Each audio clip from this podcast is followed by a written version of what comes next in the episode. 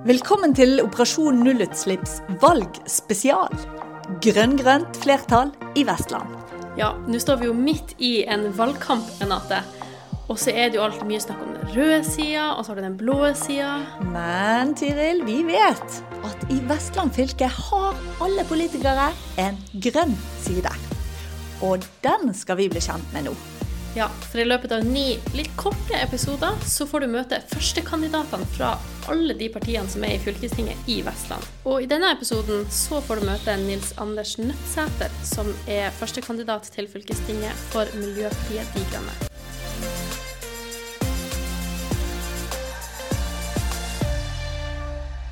Velkommen til oss, Nils Anders Nøttsæter. Tusen takk. Eh, Fortell litt om deg selv. Hvem er du? Jeg er, eh, jeg er blitt en politiker, da. Jeg trodde ikke jeg skulle bli det. Men uh, i 2015 så ble jeg folkevalgt i kommunestyret i Os, og siden har det blitt mer og mer politikk på meg. Og nå holder jeg på her. Men uh, bakgrunnen min er fra IT-bransjen. Jeg har hovedfag informatikk, og, og jobber for så vidt fremdeles i IT-bransjen. Uh, og trives med det. Jeg har en fin familie, jeg bor på Os. Eh, Og så er det første gang du stiller som eh, førstekandidat, ordførerkandidat for eh, Miljøpartiet De Grønne i fylkestinget. Ja, det er det. Og eh, det er jo spennende. Vi har jo en flott fylkesvaraordfører denne perioden som gir seg. Og da trengte vi noen nye på topp. Og organisasjonen hadde lyst til å ha meg der. Dette er jo litt av grunnen til at vi inviterer deg, selvfølgelig. For noen så er du et ukjent navn, mens andre kjenner jo deg veldig godt fra eh, kommunepolitikken på Os, nå Bjørnafjorden. Eh, Men du har vært innom fylket før. Ja, i siste perioden eh, da Hordaland eksisterte som eget fylke, så var jeg på varalisten.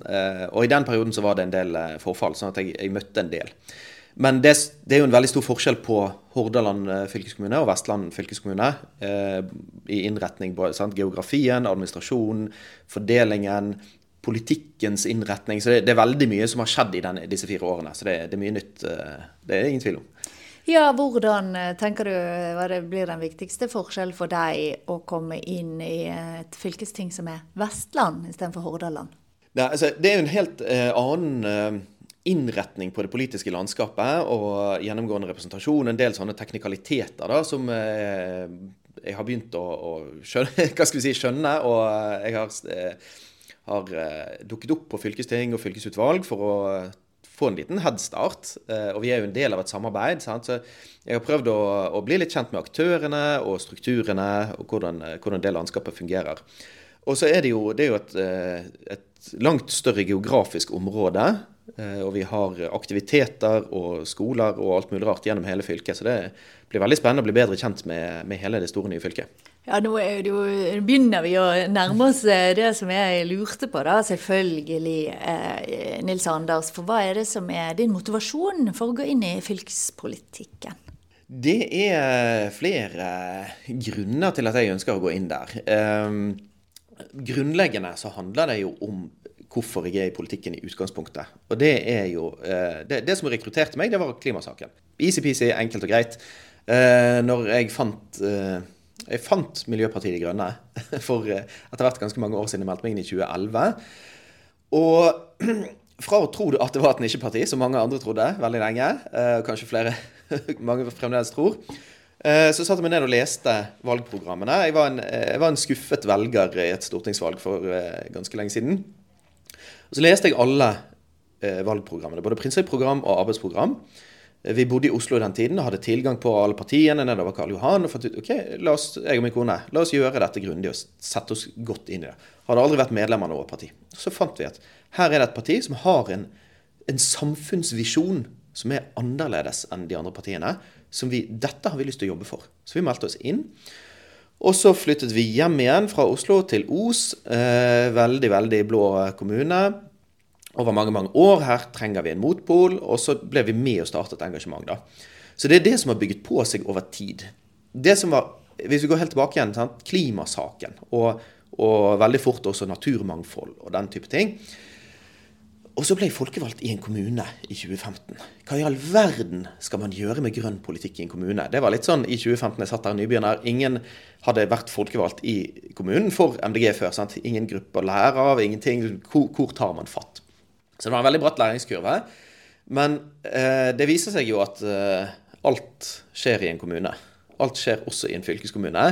Eh, så den, den konkretiseringen og, og, hvor tiltakene må skje, det har vi lært veldig mye av i disse årene i, med, med, gruppen da, i Os og Bjørnafjorden. Og inneværende periode, der vi har deltatt i, som en del av posisjonsarbeidet her i fylkeskommunen, har jo også konkretisert veldig mye godt grunnt arbeid. Så det er egentlig bare en, en videre utvikling. Og en mulighet til å drive mer med politikk. Eh, du eh, forteller jo at du meldte deg inn i MDG etter en sånn grundig vurdering, og ganske tidlig, i 2011. Og jeg hører jo at det er en selvfølge for deg at klimasaken ligger i bunn. Men kan du peke på noe som var utløsende for det engasjementet? Eh, ja Nei, altså, hva, hva, skal jeg si? Det, klimasaken eh, ligger så Den ligger i ryggraden min. Jeg, jeg, har lange perspektiver. Jeg er med i, i medlem i noe som heter The Long Now Foundation.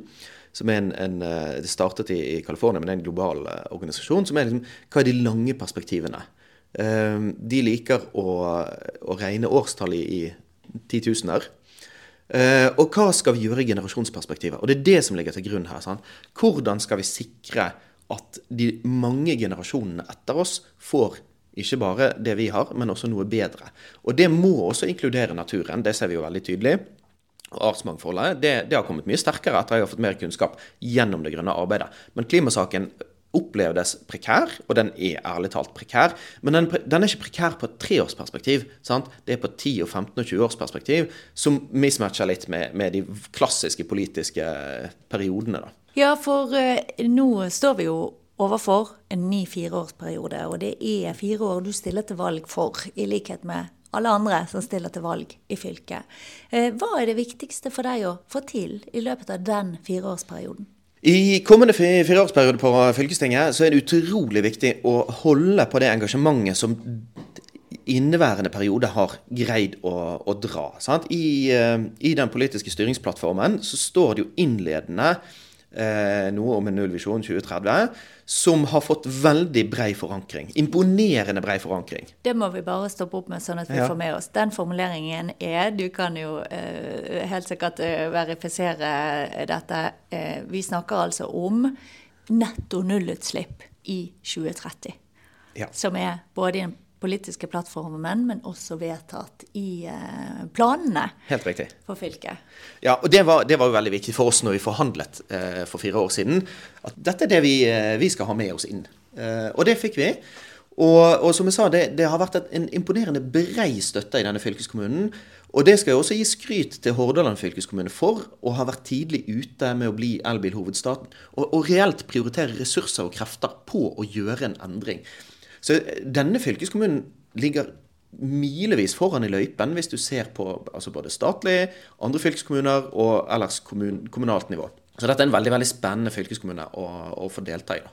Eh, nå er det jo eh, uunngåelig, Nils Anders, at eh, vi må trekke frem din forgjenger, Natalia Golis, som nå har vært fylkesvaraordfører de siste årene, og som nå gir seg. Og Tiril, vi har jo hatt besøk av Natalia her i podkasten, og i Klimapartner så har vi jo blitt godt kjent med henne. Ja, eh, det har vi jo. Og vi er jo eh, fryktelig imponert over arbeidet hun har eh, gjort også inn, i den, de siste fire årene. Men hvordan er det med deg? Er det sånn at du kunne tenkt deg altså det samme vervet som Natalia har hatt? Å bli den neste Natalia? Ja, altså på på, på, noen måter så er jeg den neste av Natalia. Sant? Jeg er toppkandidaten, og jeg skal lede denne gruppen eh, for MDG. Uh, på andre måter så kan jeg jo ikke være Natalia. Vi er, vi, er, to forskjellige personer. Vi ser ganske likt på måten å utøve politikk. Når det kommer til eh, roller, så er jo det vanskelig å forutse. Sant? Det kommer et valg i september. Det finnes meningsmålinger som, meningsmålinger som går litt hit og dit. Vi har en koalisjon som også påvirket av nasjonale trender.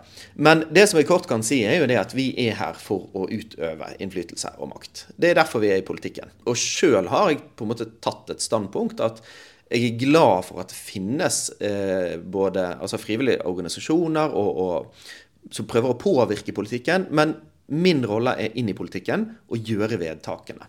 Og da er vi klart på jakt etter eh, de posisjonene og de samarbeidene som fører til at vi kan gjøre kloke vedtak. Eh, byr anledningen seg, så, så, tar vi de utfordringene, og, og vi, er, vi er her for å være her. Vi er selvfølgelig eh, spent på å få samarbeide videre i Klimapartnere med uansett hvem som blir eh, den neste både fylkesordfører, fylkesvaraordfører. Og disse spekulasjonene skal vi holde oss litt unna nå. Men jeg har lyst til å gå videre på den. Uansett, Nils Anders, så skal du være en del av fylkestinget. Så jeg har lyst til å gå litt videre på innholdet i politikken. Og eh, denne Podkasten heter jo Operasjon nullutslipp. Og visjonen er jo netto nullutslipp i 2030. Det er mer enn en visjon, det er faktisk politisk vedtatt ambisjon. Og hva tenker du at fylkestinget må gjøre for å lykkes med å nå det målet? Eh, her tenker jeg det, det, er jo to ting. Sant? Uh, uten å bli for teknisk, så har vi sant, fylkeskommunens egen aktivitet og så har vi jo den geografiske regionen, som er to vidt forskjellige ting. Fylkeskommunen er veldig veldig godt i gang på å redusere egne utslipp. Sant? Og Da er det jo spesielt mye i transportsektoren som fylkeskommunen har et stort ansvar for. Sant? Både ferger og busser og eh, hurtigbåtene. Kjempeviktig at det er eh, disse eh, anbudskravene på å redusere utslipp. Superviktig. Og disse eh, anbudene er jo også over lang tid. Sant? Det, det hvis du ser i, i politisk sammenheng, sant? så snakker vi ofte fireårsperioder. Og teller du fra 2023 til 2030, så er det veldig fort. Det er mindre enn to fulle perioder. Så det, det er kjempeviktig å holde det momentet oppe og, og jobbe videre på det. Og det, det, tror jeg vi skal få til. Eh, egentlig nesten uansett eh, innretning. Eh, selvfølgelig finnes det partier som ønsker å, å, å bruke ressursene annerledes.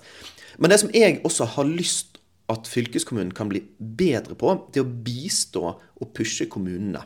For kommunene her ute har ikke ressurser og kompetanse eller eh, prioritet til å, å, utføre dette i egen eh, altså Verken egen organisasjon eller eget areal. Og vi kommer ikke i mål som Vestland hvis ikke alle kommunene i Vestland også kommer i mål. Uh, ja, for vi, når fylket har satt seg mål om netto nullutslipp, uh, hvordan skal, uh, kan fylket hjelpe kommunene da? Altså, bare det å sette seg mål er jo veldig mange eh, kommuner som ikke har gjort. Ja, det er rett. Og noen, noen kommuner har satt seg mål og, og, gjør egentlig veldig lite for å nå det. Sant? Eh, jeg kommer selv fra en slik kommune som har, har vedtatt en eh, vi kaller det en klemplan, klima-, energi- og miljøplan, som er full av gode ambisjoner. Men så finnes det ikke ressurser eller kapasitet eller kompetanse til å, å på ekte følge det opp i hverdagen. Det kommer noe smådrypp, men det, det er altfor lite, og det monner ikke. Og du kommer ikke i mål til 2030. Sånn. Og det er en av de kommunene som er mellomstore, og har, eh, har faktisk vedtatt en klimaplan. Eh, så her har fylkeskommunen eh, mye kompetanse å bidra med. Og som en regional utvikler en kjemperolle å, å, spille som en samarbeidspart og, og, en pådriver. Så det er helt åpenbart for meg at fylkeskommunen har en viktig nøkkelrolle i den sammenhengen. Jeg vil uh, spørre litt mer, fordi at uh, som du sier, det er ikke lenge til 2030. De neste fire årene er en, kanskje de viktigste fire årene for å nå det målet. Hvilke flere tiltak ser du for deg at det er viktig? Vi har snakket litt om fylket som organisasjon, men hvis vi ser hele fylket under ett? Altså Helt ærlig, eh, klimasaken er sånn at eh, strengt tatt så bør vi gjøre alle tiltak samtidig. Overalt. Eh, fordi at er 2030 og for den saks skyld 2050. Vi ser temperaturene i dag og, og, alle grafene hvor det går. Og vi har langt på vei passert steder vi ikke burde være når det kommer til, til klimasituasjonen. Så det, det, er nesten egentlig eh, svaret mitt. Vi må gjøre alt, og vi må gjøre det samtidig. Det er selvfølgelig umulig. Noe som skuffet oss i MDG i, for ikke så veldig lenge siden, det var jo når fylkestinget eh, snublet i oppløpet på, på fornybarplanen for Vestland. Eh, den vil jo komme opp igjen. Der er det viktig å gjøre et godt arbeid. Du må si litt hva det handler om. Ja, nei, Det handler om hvordan kan vi øke tilgangen på fornybar energi her i dette fylket.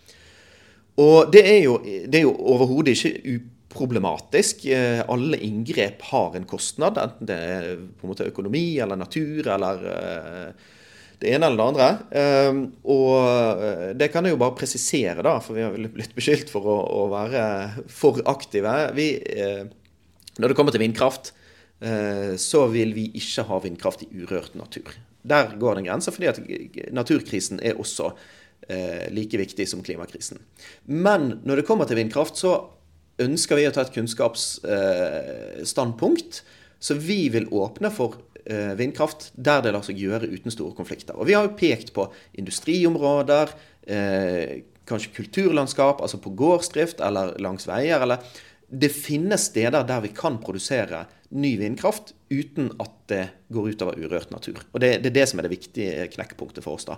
Men vi kan ikke si blanko nei til, til mer vindkraft.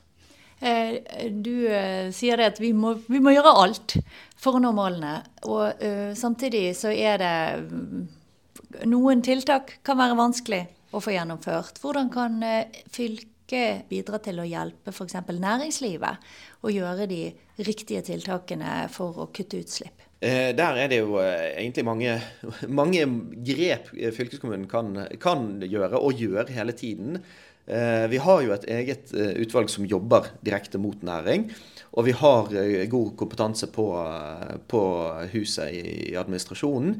Det vi ser som er utfordrende for altså videre næringsutvikling, bare for å ta det perspektivet, det er jo krafttilgangen. Sant? Vi har veldig mye Vi har et stort kraftønske. Rett og slett et kraftbehov. Og det gjelder ikke bare nyetableringer, som er viktig.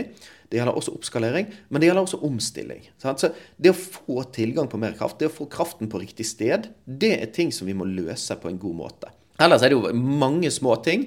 Bidra inn til, eh, til å få kickstartet disse altså ombrukssystemene. Som er Det er mange initiativ på gang. Men det er tidlig enda.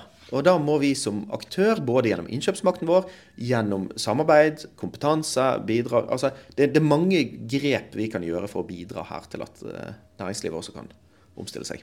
Nils Anders Nødsæter, du stiller som førstekandidat til eh, fylkestinget for MDG i Vestland for første gang. Eh, du har fire år eh, foran deg hvor vi har det travelt for å nå klimamålene men hva er det som driver deg til å gå inn i dette? Uh, det er, en, det er en, et behov for å gjøre noe. Jeg kommer fra IT-bransjen. Vi har det egentlig ganske behagelig. Vi har grei lønn. Vi har vi har en fagorganisering, men den er ganske svak, for vi har ikke egentlig så stort behov for det.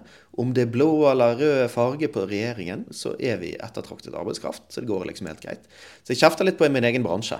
Vi er flinke, vi stiller opp og, stemmer, men gjør vi jobben? For det er en stor jobb å gjøre inn i demokratiet. Det er litt av grunnen til at jeg eh, ønsker å gå inn her sjøl. Vi har et stort behov. Vi ser at de gamle partiene ikke evner å prioritere det når det kommer til de vanskelige prioriteringene spesielt. Det, det, er mange som sier fine ord, men når det kommer til prioritering, så svikter det gang på gang. Så vi må gjøre den jobben. Og det er det som motiverer meg, og det går på altså de grunnleggende eh, solidaritetene som vårt prinsipprogram er bygget på. Solidaritet med, med alle mennesker, uansett hvor de er i verden. Solidaritet med naturen, som ikke har en egen stemme. Og solidaritet med fremtiden. De, Enten det er noen barn som ikke har stemmerett ennå, eller de kommende generasjonene. Det er det som driver meg, det lange perspektivet igjen, rett og slett. Eh, Nils Anders Nødsæter, tusen takk for at du var med i podkasten. Vi ønsker deg eh, lykke til i fylkestinget, og ikke minst lykke til eh, når du skal være med å styre Vestland fylke de neste fire årene. Tusen takk. Det er en oppgave jeg ser frem til. og Litt skummelt blir det, men jeg tror vi skal kunne gjøre godt arbeid, og jeg ser at det er et godt kollegium å komme inn i.